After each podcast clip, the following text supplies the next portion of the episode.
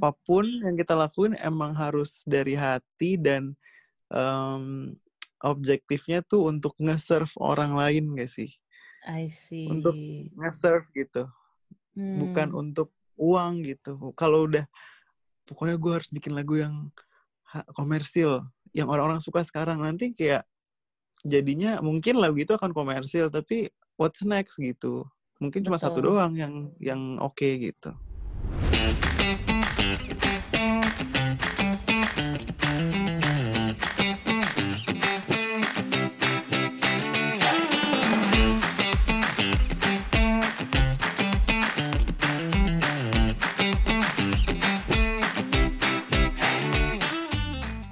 semuanya, kembali lagi di podcast Tips and Trick. Hari ini adalah episode terakhir di Expertise Series. Jadi mau ngebahas apa sih kita hari ini?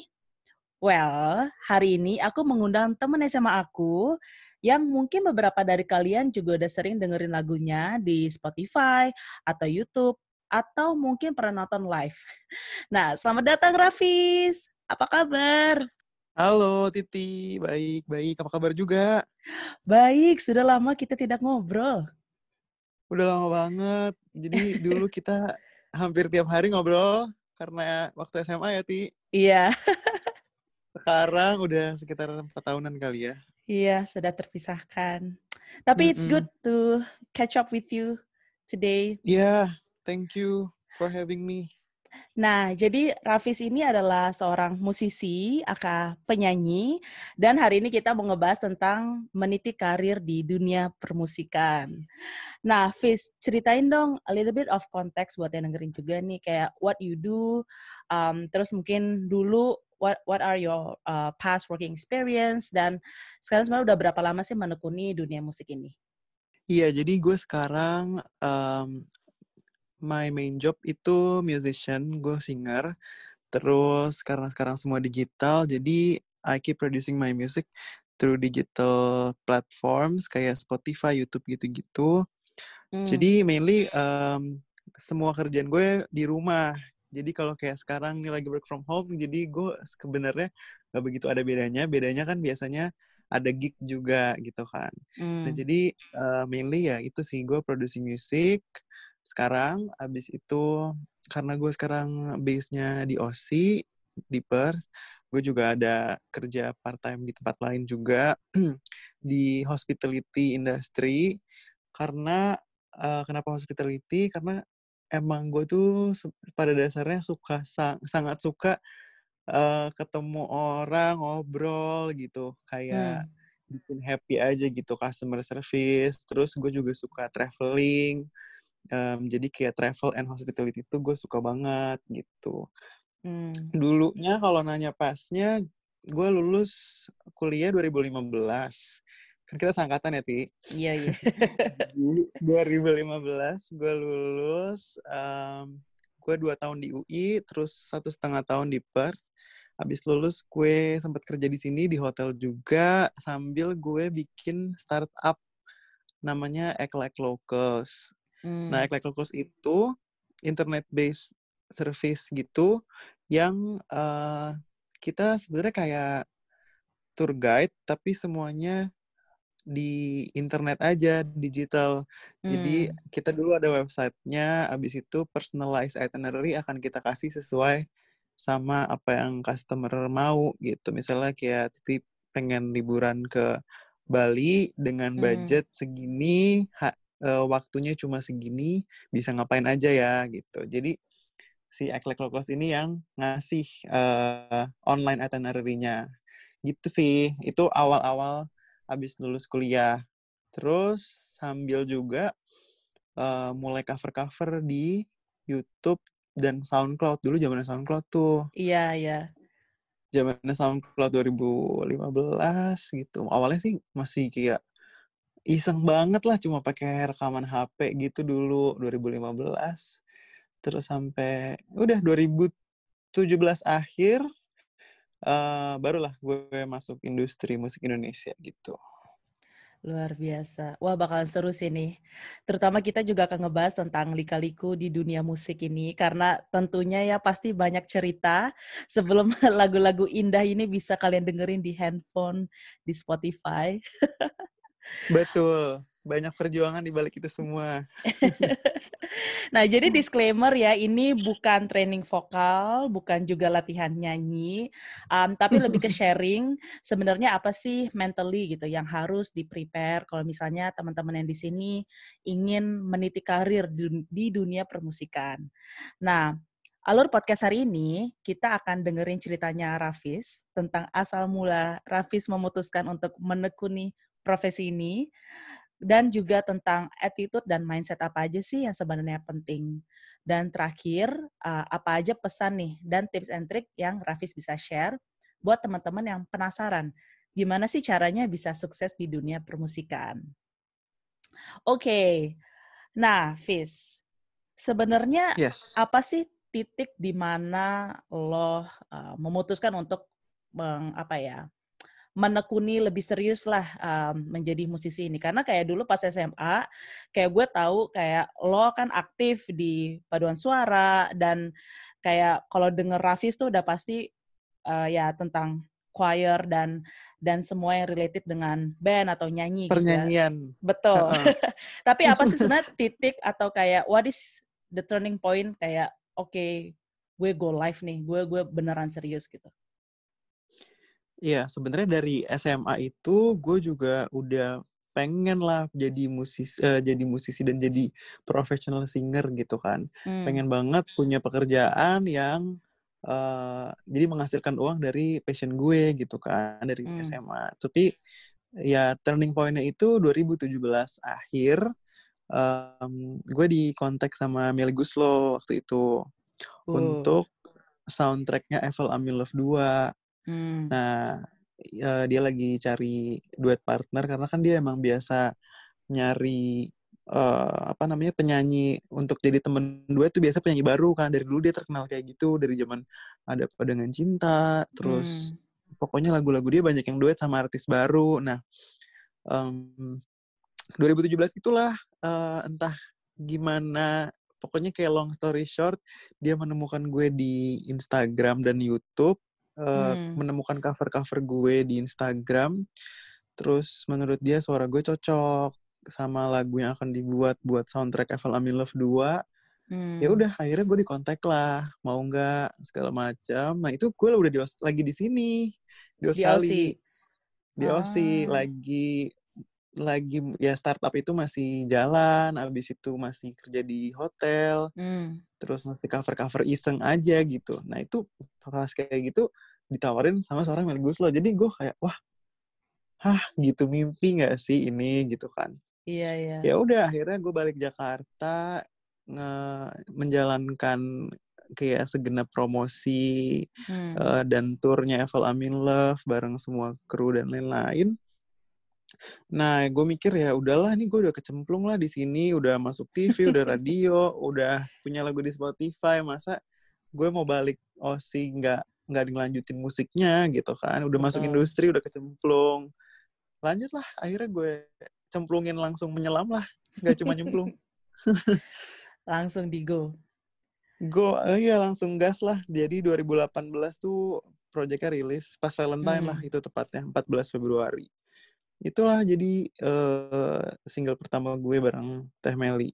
Lanjut hmm. sampai sekarang. I see. Wah congrats ya. -hmm. Iya, thank you. Udah jalannya sih kalau gue mikirnya kayak udah dikasih Tuhan jalannya ya Betul. masa gak dimaksimalin gitu. Karena kayak udah mimpi lo juga gitu kan dari dulu terus kayak ada opportunity datang kenapa tidak disambut gitu ya. Betul. nah, Fis, kalau kita ngomongin tentang industri musik ya, um, Mungkin hmm. buat teman-teman dan juga termasuk gue masih awam tentang how the music industry works gitu. Jadi kalau kita ngomongin kerjaan in general gitu, kayak lo fresh graduates, lo apply kerja, there's some set of requirements, terus kayak lo pergi interview, kalau cocok ya lo diterima dan yaudah lo kerja gitu kan. Tapi based on what you know atau maybe based on what you experience as well, sebenarnya industri musik itu how, how is it working gitu? Um, kalau zaman sekarang sih um, semuanya tuh kayak 80% lah bisa dibilang 70-80% sebenarnya digital. Hmm. Jadi kalau emang mau pursue music itu ya uh, uh, lebih gampang sebenarnya untuk mulai itu sangat-sangat lebih gampang. Semua orang bisa punya lagu dan bisa dirilis, tinggal masukin ke digital platform itu jauh lebih gampang gitu kan. Cuma Hmm. yang menjadi challenge-nya itu kayak how to manage your career there gitu, bukan cuma asal rilis-rilis lagu kan, kayak Betul. dan makin banyak saingan gitu. Makin banyak banget artis-artis baru setiap minggu ada artis baru um, producing music yang sangat-sangat bagus gitu. Jadi how Hmm. to manage itu gitu.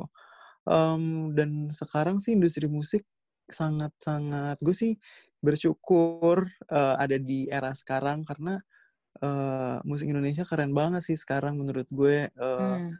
banyak banget artis bagus yang nggak yang belum terkenal jadi kayak ada dua jalur menurut gue kalau yang jalur mainstream yaitu TV masih jalan gitu yang orang-orang Hmm. mungkin lihat artis-artis di TV gitu tapi ada juga artis-artis yang terkenal di digital nih gitu kalau Hmm. buka Spotify bisa listenersnya tiba-tiba ada ratusan ribu siapakah dia gitu terus kalau Hmm. didengerin tuh lagu-lagunya keren terus dia terkenal di luar negeri juga di fitur di playlist luar negeri gitu-gitu jadi gue bersyukur kayak kemarin juga titik em, salah satu titik gue bisa didengar di luar negeri lagu gue itu juga jadi gue baru rilis single nih yang terakhir Hmm. judulnya Fling or Feeling baru rilis bulan lalu itu tuh lagunya di fitur di hampir seluruh negara di Southeast Asia gitu Wow. jadi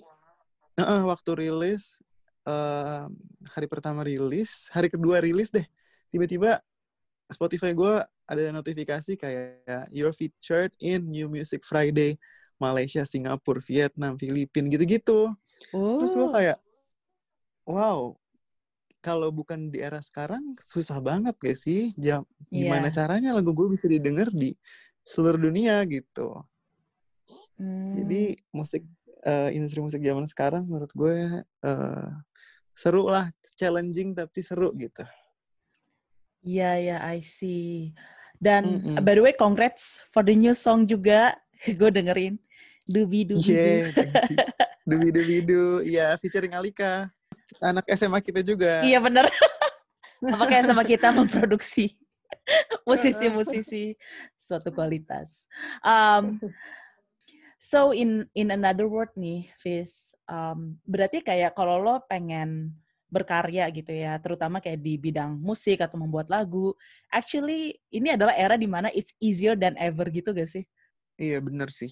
Kayak kalau lu bisa produce musik, bisa ya punya at least punya lagu lah ya. Kalau udah pede rilis rilis bisa rilis gitu. Heeh, bener Hmm. easy banget gitu. Tapi itu gimana sih sistemnya kayak misalkan eh, let's say katakanlah gue buat lagu gitu ya, terus gue rekam. Apakah gue bisa kayak orang awam gitu mengupload itu ke Spotify untuk didengerin atau gue harus melalui suatu proses di mana misalnya harus ke recording label atau harus ke suatu uh, you know minta advice ke orang lain atau harus di ACC orang lain supaya bisa rilis? Eh, ada dua cara. Nah kalau gue kan independen independen artis nih, eh, Hmm. gue labelnya label gue sendiri gitu, gue yang manage semuanya.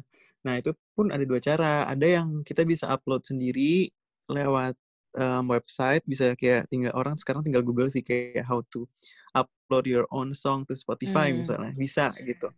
Cuma em, kalau gue eh, ke jalur eh, ini, jadi gue ada distributor digitalnya khusus yang Hmm. memanage itu semua. Jadi gue tektokannya sama dia, gue punya gue ngasih materi nih, gue punya lagu, gue foto-fotonya nih ya, nih videonya gini, konsep lagunya kayak gini, cerita lagunya kayak gini, tolong dong di pitchingin ke Spotify dan Apple Music dan lain-lain biar biar visibility lagu gue tuh terlihat gitu. Karena kan kayak gue Hmm. bilang setiap minggu rilisan tuh banyak banget. Kalau cuma ngandelin yang lewat website sendiri, ya kalau menurut gue sayang mendingan gue effort lebih banyak untuk visibility-nya lebih tinggi dilihat kayak kayak gue sebut tadi ke sampai keluar negeri gitu-gitu. Iya, jadi untuk gue bisa sampai uh, di fitur di playlist-playlist segala macam itu biasanya uh, gue tektokan sama distributor digital gue, gue harus harus siapin press release Indonesia dan Inggris, abis hmm. itu uh, foto-foto yang sesuai dengan konsep lagunya, abis hmm. itu juga gue bikin marketing kit, plan lagunya akan diapain aja, promotion toolnya bakal ngapain aja, akan ke radio mana aja, atau akan digital doang, terus hmm. uh, pokoknya segala tetek bengek yang uh, berhubungan dengan lagunya itu sebanyak mungkin info gue kasih ke distributor digital gue hmm. gitu. Semakin Jadi nanti dia manage gitu ya? Dia manage semakin kayak wah ini prepared banget nih rilisannya itu chance untuk visibility-nya makin bagus makin tinggi gitu. Hmm, I see. Dan lo ngelakuin hmm. itu semua sendiri, Fis? Sendiri. Wow. Wah, keren Jadi, banget iya. sih. Jadi kalau ditanya kerjaan gue apa musisi, tapi di balik itu semua bukan cuma itu. It's a whole package ya. It's a whole package, iya. Ah, I see. Nah, ngomongin hmm. tentang itu tadi ya, um, kan tentunya pasti ada kayak skill, mindset, attitude yang yang lo punya di mana lo tuh bisa menjalankan passion lo ini gitu. De, karena lo rela hmm. untuk memberikan effort ya nggak cuma nulis lagu, ngerekam, karena lo juga harus mikirin nadanya dan kontak sana sini hmm. untuk cari inspirasi, terus buat artworknya dan segala macam. It's it's a really whole package gitu. Jadi menurut hmm. lo sebenarnya what kind of mindset atau attitude yang yang useful banget yang bisa membuat seseorang itu is a is a good musician atau good singer. Mindsetnya sih kalau menurut gue kalau based on my experience kalau emang itu passion lu pasti melakukannya dengan sepenuh hati walaupun kayak kadang-kadang pasti capek lah, kadang-kadang bete lah, nggak sesuai ekspektasi, segala macam pasti ada hmm. lah ya di hmm. semua kerjaan. Cuma kalau emang based on your passion pasti ngerjainnya uh, bisa lah, pasti bisa. Nah, tapi kan nggak semua orang punya kemampuan, misalnya um, bisa foto, bisa ngedit video, bisa tertulisnya bisa gitu kan nggak hmm. nggak semua orang bisa. Nah kalau hmm. gue tuh um, puji Tuhannya bisa semua dikit-dikit kayak bisa lah gitu ngerjain semua tuh masih bisa gitu. Hmm. Cuma saran gue sih yang paling penting kalau jadi independent musician bikin tim sih. Jadi at least hmm. lo ada satu orang sosmed, ada satu orang bisnis yang uh, manage kayak uh, cariin job panggung, cariin uh, job iklan, endorsement gitu-gitu offline-nya hmm. tuh. Dan satu lagi yang manajer harian lu yang setiap hari tektokan, curhat, perlu ini, hmm. perlu itu, kontak person gitu sih. Nah gue sih so far masih cuma ada satu orang doang manajer uh, yang tektokan langsung gitu. Hmm. Cuma alangkah lebih baik uh, memang ada tim sih yang bisa dibagi-bagi itu. Karena gue juga masih on the way untuk mencari tim itu. Karena gue merasa, aduh ya udahlah, sekarang gue masih bisa semua sendiri hmm. gue sendiri dulu gitu. Cuma kadang-kadang capek sih jujur kayak duh gue ini gue apaan sih? Kayak otak kiri otak kanan tuh semua harus jalan terus gitu loh. Iya benar-benar. Tim tuh penting lah menurut gue. Ah I see. Berarti di situ ada unsur um, networking dan juga kolaborasi ya Fis? Iya benar sih. Uh, tim itu kan cari cari orang yang cocok gitu kan, yang mau hmm. diajak uh, kayak kerja dari nol bareng lah gitu kan. Hmm. Itu juga untuk di dunia musik juga harus pinter-pinter uh, ini sih kayak bergaul lah gitu. Tapi bergaul as in kalau misalnya ada kesempatan kenal musisi lain, atau kayak sekarang sih as simple as follow Instagram misalnya kita mm. adore someone uh, seorang gitaris misalnya kayak ah dia keren banget main gitar ya udah DM aja kayak eh bro lu keren banget uh, ya udah kayak gitulah kayak pinter-pinter Hmm. uh, be humble aja gitu sama sesama musisi gitu. Terus kalau misalnya ada temen ngerilis lagu baru, kalau diminta tolong tolong promoin dong di story dan kayak jangan pelit-pelit gitu karena kita juga pasti butuh itu in eh, vice versa gitu loh. Nah, kalau ngomongin tadi kayak lo balik lagi ke lo menulis lagu dan lo uh, buat lagunya, buat artworknya dan segala macem. Di mana sih lo mencari inspirasi? Ada nggak sih hal-hal yang lo lakuin supaya lo bisa dapet kayak sebuah ilham kayak, wah kayaknya gue mau nulis lagu tentang A, tentang B gitu. Nadanya kayak kayak gini nih. Nah, biasanya tuh apa yang lo Hmm. lakukan? Karena kan kadang-kadang kita, maksudnya in general human being stuck aja gitu kan, kayak nggak bisa mikir gitu, mam- mampet aja gitu idenya. Tapi kayak di mana Mm-mm. gimana caranya lo bisa menemukan ide-ide baru? Wah, itu gue jujur masih harus belajar karena gue juga eh, banyak mampetnya dan gak bisa dipaksa. Kalau bikin lagu Hmm. jujur tuh kayaknya nggak nyampe ke hati gitu loh. Bener sih, Takutnya. Jadi kejujuran. mm-mm, kejujuran hati ya kayak Chris Pati ya. Kayak stay true to yourself gitu ya. harus stay true to myself gitu. Jadi Hmm. eh gimana ya kayak biasanya tuh dapet ilham either kita lagi sedih banget Hmm. itu bakal biasanya jadi sebuah karya yang jujur yang sedih atau kita lagi eh plong gitu kayak lagi fulfilled gitu loh kayak nggak Hmm. stres gitu kalau lagi stres tuh susah jadi usahakan eh, otak seorang musisi tuh inilah kayak eh di dijaga gitu loh kenyamanannya makanya mungkin banyak teman-teman musisi eh, belajar meditasi Hmm. olahraga gitu-gitu. Karena penting juga untuk keep eh, being productive tuh emang ngaruhnya ke mental gitu loh kalau mentalnya lagi tenang gitu. Baru deh ilham masuk. Nggak bisa dipaksa sih. Jadi tips and triknya ya itu aja sih kalau dari experience gue. Harus sabar ke diri sendiri gitu ya. Dan Mm, boleh kayak bener-bener ya harus apa ya uh, stay true to yourself sih benar.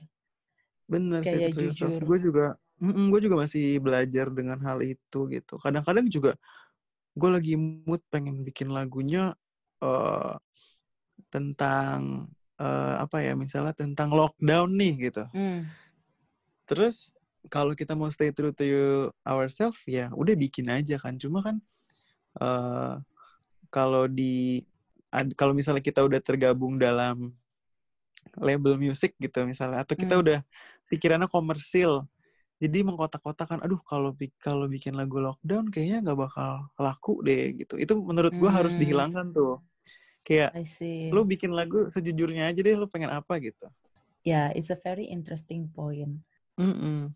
karena em, misalnya kayak in kerjaan pada umumnya juga ya apalagi kayak misalkan gue kan konsultan gitu. Terus kayak mungkin ada teman-teman yang juga dealing sama klien atau kayak harus jualan. Itu tuh em, salah satu pesan yang gue ingat dari bos-bos gue itu adalah kayak kalau lu pengen laku lu pengen didengar sama klien lo ya lo tuh harus taruh agenda lo tuh di belakang gitu. Jadi kayak buang jauh-jauh. Jadi jangan ngomongin tentang money atau kayak commercial partnya dulu gitu. Tapi kayak bener-bener understanding apa yang misalnya kayak dalam kasus gue itu ada klien mau gitu Mm-mm. kan dan kalau mungkin Mm-mm. dan menurut gue itu similar approach juga kalau misalnya lo kayak seorang penyanyi dan lo ingin menulis lagu ya lo harus bener-bener kayak feel comfortable in making that song dan lo relate dan karena kayak kita sebagai pendengar itu tuh bisa banget ngelihat kayak ini orang ini penyanyi tuh nyanyi dari hati atau bukan gitu gak sih dan betul kalau nyanyi dari sama hati tuh kayak lebih ngena gitu loh Iya, bener. Sama sih. Kayaknya sih bukan cuma musik aja ya. Bener juga sih setelah denger cerita lu. Ya Hmm. apa pun yang kita lakuin emang harus dari hati dan em, objektifnya tuh untuk nge-serve orang lain gak sih? I Untuk see nge-serve gitu. Bukan hmm. untuk uang gitu. Kalau udah, pokoknya gue harus bikin lagu yang komersil. Yang orang-orang suka sekarang. Nanti kayak jadinya mungkin lagu itu akan komersil tapi what's next gitu mungkin cuma satu Betul. doang yang yang oke gitu Betul. Apalagi kalau misalnya ternyata lo jauh di lubuk hati nggak suka gitu misalkan sama genre lagunya oh, atau kayak tipe lagunya. Ah, I see. And that's why lo juga seneng berkecimpung di dunia traveling dan hospitality ya, Fis. Karena it's all about serving your audience, serving your customer gitu. betul. Iya sih. Ini kalau agak dalam sedikit kayak menurut gue eh, kayak kita diciptakan sebagai manusia untuk saling nge-serve gitu loh fungsinya. Hmm, kayak untuk menghasih kayak saling setiap orang punya tugasnya masing-masing untuk nge-serve orang lain dengan caranya masing-masing gitu. Nah, kalau hmm, gue seneng aja ngelihat ngelihat orang tuh interact sama gue langsung betul, atau dengan karya gue itu bikin seneng aja gitu. betul. And that's what makes Hmm. you happy kan. Mm-mm. Nah, balik lagi nih, Fis. Eh, ke tadi kan lo sempat cerita di awal kayak lo sempat kerja di hotel dan juga di traveling yang lo buat startup kan. Mm-mm. Nah, ada nggak sih kayak the skills atau attitude yang lo yang menurut lo tuh beda banget saat lo dulu kerja di dunia yang bukan permusisian gitu. Yang sesuatu yang kayak oh, pas gue terjun ke dunia musik, ini sesuatu yang penting banget nih untuk gue gue kuasain dan sebelumnya gue nggak kepikiran kalau gue harus menguasai atau gue harus jago di bidang ini. Iya, menurut gue yang soft skill yang penting itu komunikasi sih. Hmm. Komunikasi itu krusial banget gitu.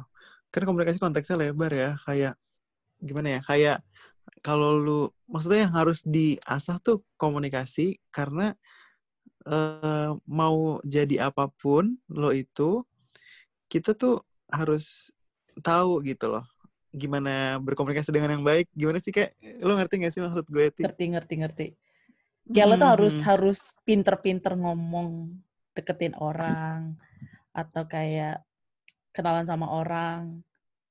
Ya networking gitu itu masuk juga sih Heeh, dengan bukan fake juga ya bukan kayak pansos atau apa gitu bukan juga kayak Pansos, jago bener. berkomunikasi itu as in kayak tahu momen lah gitu kayak oh kita lagi di em, sebuah event di oh misalnya deh gue diundang ke acara di hotel gitu Hmm. terus tamu-tamunya tuh eh, bos-bosnya gitu bos-bos hotel bos-bos ini. Nah gue misalnya cuma kerja sebagai hostnya kayak servernya gitu di situ kan. Bukan tamu gitu tapi kita harus tahu momen gitu kayak oh kita berarti harus melakukan nges, eh, melakukan kerjaan kita secara maksimal ke orang-orang ini. Terus kalau bisa kita eh, siapa tahu bisa kayak tukeran kontak gitu kan dengan Hmm. say hi aja kayak tatap mata aja bisa bikin im- impression yang bagus untuk dari mereka untuk kita gitu kayak who knows di ke depannya mereka tuh jadi sesiapanya kita kan gak ada yang tahu gitu Jadi komunikasi juga dalam membuka network baru juga. betul Karena gue kebayangnya sih emang kalau kayak terutama di industri musik pasti lo harus kenal sama banyak orang karena lo bakal banyak collab juga kan um, in the future gitu. Kayak kemungkinan lo kolaborasi Mm-mm. sama orang lain itu gede. Iya, bukan cuma untuk duet partnernya doang gitu ya kayak contohnya Hmm. kemarin gue duet sama Alika, tapi untuk nih ya gue ceritain untuk membuat satu lagu aja, gue harus Hmm. kontak eh, pemain musiknya, misalnya pemain bass, Hmm. pemain gitar, piano gitu kan, itu udah eh, networking satu pemain band. Habis itu networking kedua, em, lagu kan harus di mixing, habis direkam, di mixing Hmm. semua suaranya dari instrumen ke vokal itu kan harus di balancing lah gitu. Itu Hmm. ada engineer-nya sendiri. Habis itu Hmm. ke mastering engineer, ada namanya ma- habis mixing kelar namanya mastering. Jadi mastering tuh kayak eh, kalau lo denger Spotify, misalnya eh, satu album, misalnya satu album Peter, Pan lah misalnya ya Hmm. lo nggak mungkin dari track satu ke track 2 ke track 3 eh, volumenya beda-beda kan kayak tiba-tiba kenceng tiba-tiba kecil gitu kan nggak mungkin Hmm. pasti sama kan nah Benar, itu benar. tuh biar sama levelnya itu namanya mastering nah itu ada engineer-nya sendiri gitu Nah itu aja dari produk production aja udah harus berapa orang yang dilewatin gitu kan dan orangnya banyak banget di dunia ini gitu. iya benar. Yang ngelakuin itu, yang ngelakuin itu masa gue mau sama dia dia doang gitu kan? Betul betul. Mm-mm. Ah, jadi lebih kebayang sih gimana proses pembuatannya. Iya, banyak sih ininya dapurnya tuh. Dap- bener Bumbu-bumbu sih dan dapurnya. masaknya. Mm-mm, Sebelum banyak jadi deh. di Spotify ya, sebelum kita semua dengerin gitu ya. Betul. Ibarat masak tuh kalau yang di Spotify udah menu cantiknya aja. Padahal bahannya mah sama kayak dari tempe, dari telur gitu. Ah iya benar-benar benar. Nah, menurut lo nih, Fis, um, Hmm. what are uh, the common mistakes ya, atau mungkin wrong perception gitu, yang yang mungkin lo pernah alamin dulu pas awal-awal, atau mungkin dari hasil observasi lo um, di dunia industri musik ini sendiri? Mungkin so far sih belum ada yang sampai buat gue gimana-gimana yang salah gitu juga belum. Cuma i- yang bisa memaksimalkan aja kali ya, yang bisa memaksimalkan orang-orang kalau mau berkecimpung di sini gitu ya. Hmm, Itu yang kayak gue bilang sih eh, tim. Tim Hmm. itu penting. Terus em, kayak harus tahu aja harus tahu goalnya. Lo di dunia musik tuh mau make it as a main job yang lo harus berpenghasilan dari situ juga hmm, atau lo hanya sekedar mengeluarkan passion lo aja gitu itu harus tahu goal dari awal. Karena hmm, eh, bikin musik tuh nggak murah gitu kan. Hmm. kita produce tuh lumayan ngeluarin uang banyak gitu. Nggak bisa kita kayak spending spending terus eh, terus kita pasti kan mikir kalau kita kerja eh, jadikan musik mata pencaharian utama kan kita nggak mungkin spending terus dong kita kan harus dapat penghasilan kan Betul. nah itu makanya harus di goal dari awal harus tentuin gitu kalau misalnya cuma passion nyalurin passion doang sih ya udah kayak ya udah rilis rilis aja gitu Ini ini off topic sih, cuman kayak gue lagi mikir kayak artis-artis yang gue suka melalui ini semua, wah keren banget. Iya, coba boleh tahu nggak ti- artis yang lo yang lo biasa dengerin gitu siapa? Taylor Swift sama Shawn Mendes. Oh, eh, Shawn Mendes baru keluarin lagu baru ya. Sumpah keren banget sih. Ya kalau, nah kalau mereka udah beda cerita sih, karena ini kan cerita dari musisi independen ya. Betul Kalau mereka kan udah ada labelnya yang ngurusin gitu. Exactly. Oh, iya, lo lo nulis lagu sendiri ya berarti ya? Ya iyalah ya. Tapi kayak artis-artis umumnya tuh gue tuh pernah nonton. Jadi kayak kalau kayak waktu itu siapa ya si Niall Horan apa gitu yang di bekasnya One Direction. Hmm. Kayak dia buat lagu, dia nulis tapi yang nyariin nadanya tuh si recording labelnya. Oh, bisa juga sih. Jadi itu nulis kan lagu ada dari lirik dan ada nada dan aransemen kan? Betul. Nah, kalau gue bisa lirik dan nada, cuma aransemen tuh karena gue main alat musik tuh terbatas banget. Jadi cuma ada di otak. Gue pengen lagu yang kayak gini deh, paling gitu gue ngomongnya. Nah itu ada orang lain lagi gitu.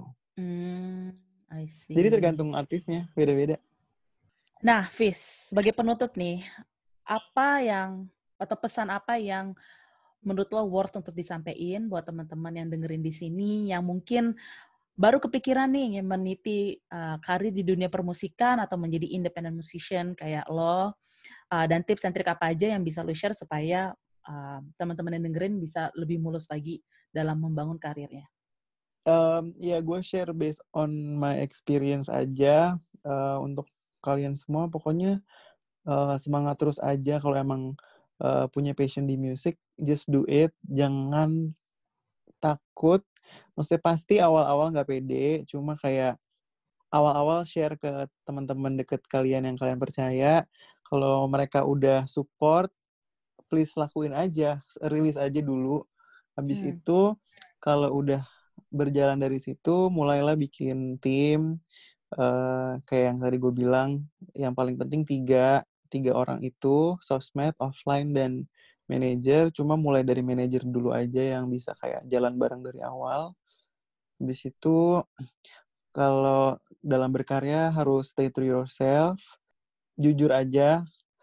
Kayak karena lagu tentang apa pun kalau emang kalian lagi pengen uh, share itu dengan hati pasti nyampe aja lah ada aja orang yang suka gitu. hmm. gitu jangan takut orang gak suka terus ya udah sih gue cuma bisa bilang itu karena gue juga masih belajar masih baru di dunia ini baru dua tahunan jadi kita sama-sama semangat aja sih terus gitu wah terima kasih Rafis hmm. sharingnya sangat berguna dan membuka wawasan baru juga mungkin tadinya teman-teman yang gak aware jadi aware dengan how the music industry works um, jadi buat yang dengerin nih teman-teman intinya sih mulai dulu aja. Jadi betul itu kuncinya. Betul, karena kalau misalnya ada yang dengerin podcast aku juga di episode sebelumnya tentang managing stress, situ kita juga bahas tentang the power of doing. Um, jangan tunggu inspirasi atau motivasi datang, tapi lakuin aja dulu karena motivasi atau inspirasi itu akan datang dengan sendirinya. Dan juga integritas kepada diri sendiri do what you have to do, do what you want to do gitu. Jangan lakukan dengan dengan apa ya? Karena orang lain, jangan lakukan karena simply mencari money atau commercial. Boleh aja sih ya sebenarnya Fis, tapi kayak mm -mm. main goalnya tuh intentionnya dilurusin lagi gitu ya. Betul. Wah, terima kasih Rafis uh, sekali lagi sudah meluangkan waktunya di sini. Iya, thank you juga Titi for having me. Senang bisa ngobrol-ngobrol lagi. nah, stay tune di episode-episode berikutnya. Sampai jumpa. Bye.